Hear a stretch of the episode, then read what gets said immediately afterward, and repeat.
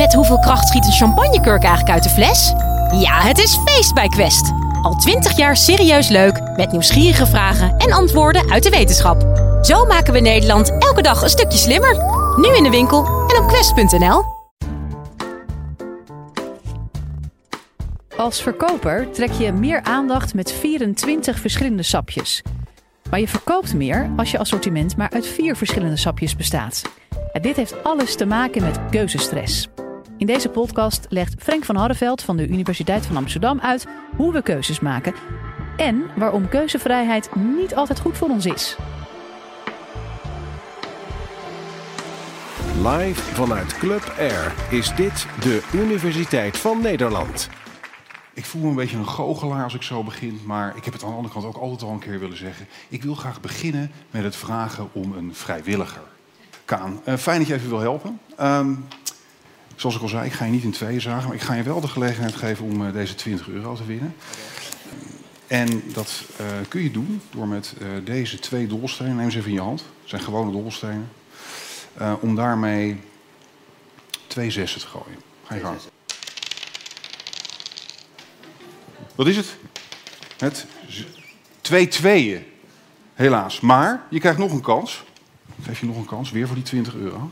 Maar nu wil ik je vragen om twee enen te gooien. Twee enen. Een 6 en een 5. Het was ook niet bijna, maar toch goed geprobeerd. Dankjewel, Kaan. Je kan weer gaan zitten.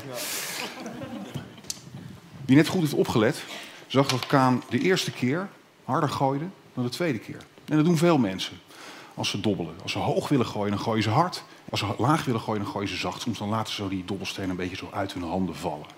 En zo willen we graag op allerlei manieren proberen om het lot, dingen die toevallig zijn, op een bepaalde manier, in dit geval letterlijk, in de hand te houden. We houden er niet van om uh, ja, een willoze speelbal van het lot te zijn. Hè. We, willen graag een beetje het gevoel van controle hebben. Ook al moeten we daarvoor ons gevoel van controle een beetje overschatten. Door bijvoorbeeld hard te gooien als je denkt, ik wil iets hoogs gooien. Maar dat zie je op allerlei manieren terug. Um, bijvoorbeeld als je vraagt aan mensen wat, wanneer ze een grotere kans hebben om in een auto-ongeluk verzeild te raken. Als ze achter het stuur zitten of als ze bijrijder zijn. Dan zeggen de meeste mensen dat de kans op een ongeluk kleiner is als ze achter het stuur zitten. Nou, als de meeste mensen dat zeggen, dan klopt er natuurlijk iets niet. Dat komt omdat mensen graag hè, hun controle over toevallige gebeurtenissen een beetje overschatten. En dat zie je ook terug in ja, hoe dol we op controle zijn, in um, hoe we kijken ten aan, tegen iets als keuzevrijheid. Kijk naar uh, onze maatschappij, waar we he, uh, belangrijke concepten als democratie en de vrije markt zijn natuurlijk gebaseerd op het idee dat we vinden dat mensen iets te kiezen moeten hebben. Ook als consument ga een telefoon kopen of een fles shampoo. Je zal zien dat je vaak heel veel keuze krijgt. Nou, werkt dat ook? Kun je consumenten ook makkelijker verleiden door ze veel keuzealternatieven voor te leggen? Nou, dat is onderzocht door collega's uh, die in een uh, chique supermarkt in, uh, in New York van die tasting booths neerzetten. En op de ene dag was er bij zo'n tasting booth, waar het winkelende publiek kon dus verschillende dingen proeven, dan was er veel te kiezen, verschillende sapjes. En op andere dagen was er veel minder te kiezen.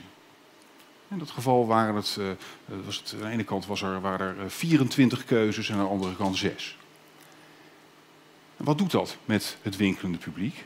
Nou, allereerst zie je dat waar er veel te kiezen valt, daar gaan meer mensen heen. Mensen gaan meer proeven. Die denken, oeh, 26 sapjes, daar moet wel een heel lekker sapje tussen zitten. Er gaan veel mensen die gaan proeven op die dagen dat er ook veel te proeven, te kiezen valt. Veel minder mensen worden aangetrokken door die kleine set keuzealternatieven. Maar als je nou kijkt naar de verkoop, dan zie je dat veel meer mensen iets kopen als er minder keuze is dan als er meer keuze is. Dus eigenlijk leidt een, een, grote set keuzealternatieven tot kijken, kijken, niet kopen. Ze komen wel allemaal proeven, maar ze lopen uiteindelijk zonder flesje uh, de deur uit.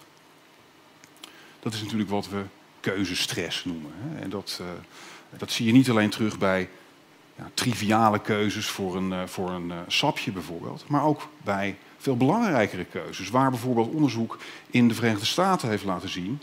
Daar zie je ehm, het aantal deelnemers eh, aan een zogenaamd pensioenplan afgezet tegen het aantal verschillende pensioenplannen waar ze uit konden kiezen. En daar zie je eenvoudigweg dat hoe meer keuzealternatieven er zijn, hoe meer pensioenplannen mensen uit kunnen kiezen, uh, hoe minder uh, ze ook daadwerkelijk een keuze maken voor een van die pensioenplannen. Dus eigenlijk net als met die sapjes, een grote keuzeset leidt eigenlijk tot het niet kiezen van een van de alternatieven. Nou, hoe komt dat nou, die keuzestress? Um, er zijn verschillende redenen voor. Eén daarvan is dat als gevolg van een grote hoeveelheid keuzealternatieven ga je eigenlijk de lat hoger leggen. Zoveel sapjes, daar moet wel het ultieme sapje tussen zitten dat perfect past bij mijn smaak.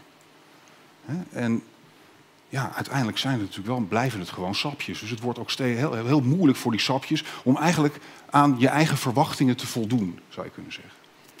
Terwijl ja, als er niet zoveel sapjes eh, zijn, dan denk je gewoon, oh ja, nou, deze eens proberen. Hm. Best lekker, maar ook weer niet zo heel lekker. Ik neem die ander. Zo zie je dus dat um, als mensen veel keuze hebben, ja, lopen ze eigenlijk uh, uh, weg. Dus keuzevrijheid is niet altijd goed voor ons. En een ander voorbeeld daarvan uh, is hoe we kijken tegen um, zogenaamde voorlopige beslissingen. Daar houden we ook heel erg van. We houden van een, een, een, keuze, daarop terug kunnen komen, nog kunnen ruilen, nog kunnen wisselen. Dat vinden we een geruststellend idee. Ik ben voor deze gelegenheid ook maar eens wat, uh, uh, wat, wat, dingen gaan kopen. En uh, zo heb ik schoenen gekocht en dit jasje. Beide keuzes vond ik best moeilijk, want er waren nog veel meer leuke schoenen en leuke jasjes. Uh, maar een belangrijk verschil tussen beide keuzes was dat ik die schoenen nog kon ruilen en het jasje niet. Het jasje dat moest op maat gemaakt worden. Die schoenen, als dat een impulsaankoop zou blijken te zijn, dan kon ik hem altijd nog uh, een dag of twee later uh, terugbrengen. En dat voelde geruststellend. Ik had het idee dat er een vangnet was dat me beschermde, eigenlijk.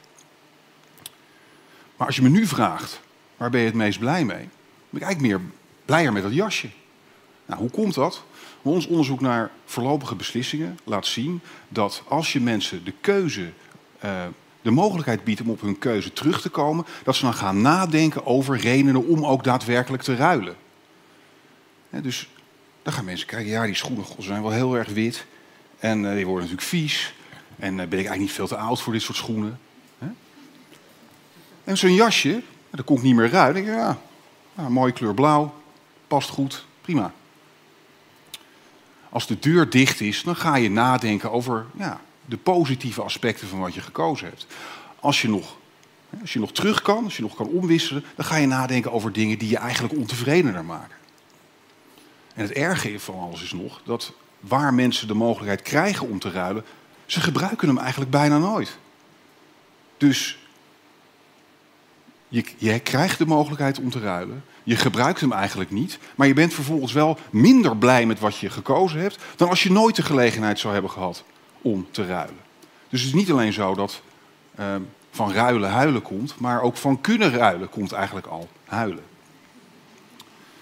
Nou, keuzevrijheid, daar, dat, dat leidt dus tot onzekerheid, zou je kunnen zeggen. En zo krijgen we uh, ook nog eens een keertje natuurlijk veel meer informatie uit allerlei uiteenlopende bronnen over al onze uh, keuzes die we moeten maken. En zo zou je kunnen zeggen dat uh, niets zeker is in, in ons leven behalve onzekerheid.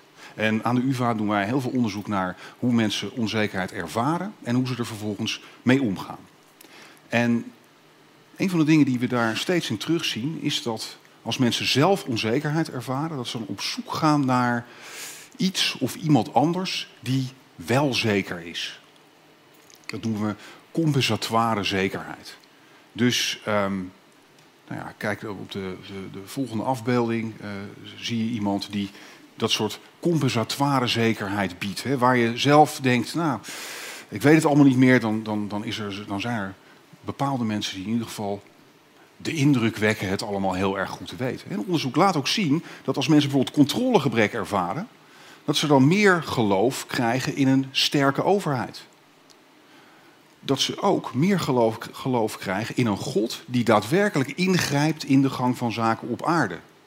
Dus het idee is dat waar ik geen controle heb, dat is al erg genoeg. Maar gelukkig is er wel iets of iemand anders die de boel wel onder controle heeft. Nou, dan leggen we het bij iemand anders, maar we proberen ook zelf op allerlei manieren uh, de controle terug te winnen.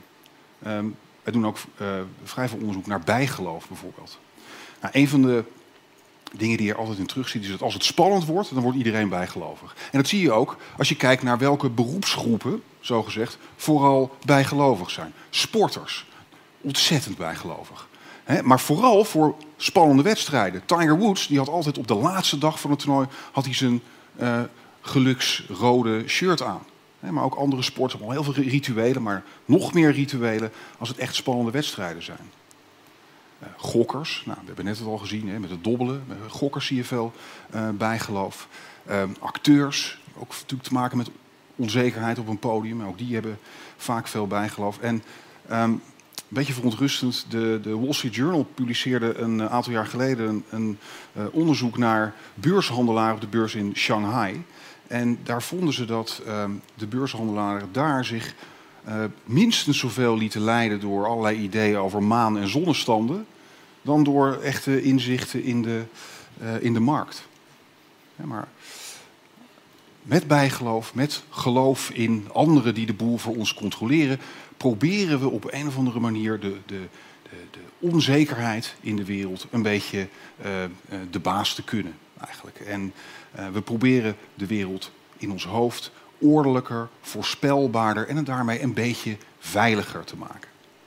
Maar een van de risico's die je daar natuurlijk mee loopt, is dat je ook wat vatbaarder wordt voor wat ik zou willen noemen um, als zekerheid verpakte flauwekul. En dat zie je uh, op allerlei manieren terug. Uh, ik, uh, je ziet op de volgende figuur het vaccinatieschema van het Rijksvaccinatieprogramma. Dat is een vaccinatie. Laat ik mijn kinderen vaccineren of niet? Dat is een onderwerp waar gelukkig de meeste ouders gewoon, die doen dat gewoon. Maar er zijn ook ouders die daar zich zorgen over maken. Die denken, waar injecteer ik mijn, mijn kinderen mee? Als je onzeker bent en je, je twijfelt of je dit nou zou moeten doen of niet, dan kan je ook gevoeliger worden voor de boodschap zoals je hier ziet van de man waartegen geen vaccin opgewassen blijkt. Uh, waar Donald Trump hier tweet, is een daadwerkelijke tweet. Uh, een gezond kind gaat naar de dokter, wordt gevaccineerd en even later heeft hij autisme. Dat zie, je, dat zie je vaak. Die link tussen vaccinaties en autisme, die, dat is iets waar mensen zich uh, soms druk over maken. En wat Trump hier doet, is eigenlijk de wereld op een bepaalde manier wat eenvoudiger maken dan dat hij daadwerkelijk is. Eigenlijk zijn er twee gebeurtenissen, die vaccinatie en dat autisme, en hij maakt er één gebeurtenis van. Die dingen die hebben, volgens argumenteert hij hier, met elkaar te maken. Dat kan geen toeval zijn, zegt hij eigenlijk. In dat vaccinatiedebat uh, wordt ook vaak het argument gebracht, naar voren gebracht. We hebben eigenlijk veel meer vaccinaties de afgelopen decennia gekregen. En het aantal gevallen van autisme is uh, heel erg toegenomen. Maar dat is inderdaad een correlatie. En zoals jullie begrijpen, betekent een correlatie niet dat er ook een oorzakelijk verband is. Zo kun je ook een correlatie laten zien, zoals op de volgende figuur, tussen uh, de verkoop van uh, organisch voedsel en autisme. Een enorm sterke correlatie van bijna één. Maar toch zullen de meeste mensen niet denken dat biologisch eten tot autisme leidt. We kunnen hier natuurlijk makkelijk lacherig over doen. Over bijgeloof en dit soort, het geloof in dit soort ideeën. En denken, ah, kijk eens hoe dom ze allemaal zijn. En dat gaat allemaal niet over mij. Maar ik denk dat we allemaal um, op een bepaalde manier wel proberen in de enorme hoeveelheid informatie die op ons afkomt, proberen we allemaal de wereld wat eenvoudiger te maken dan, dan dat die daadwerkelijk is. Ik heb willen beargumenteren dat onzekerheid een onlosmakelijk onderdeel van ons leven is. Het is overal. Onzekerheid is niet te vermijden. En het is denk ik wel belangrijk om je te realiseren dat ehm, ja, dat je als gevolg van die onzekerheid en het feit dat we dat toch een beetje onprettig vinden, dat er dus wat bananenschillen her en, daar, her en der liggen. Dat je dus net iets uh, gevoeliger wordt voor uh, simpele verhalen, eigenlijk voor vaak complexe problemen. Maar om toch wat uh, positiever te eindigen. Um, er is ook heel veel goeds aan onzekerheid. Allereerst, zonder onzekerheid zou het leven echt dodelijk saai zijn. Maar daarnaast uh, hebben we de laatste tijd ook uh, onderzoek gezien waaruit blijkt dat mensen die onzekerheid ervaren, controlegebrek ervaren, dat die creatiever worden.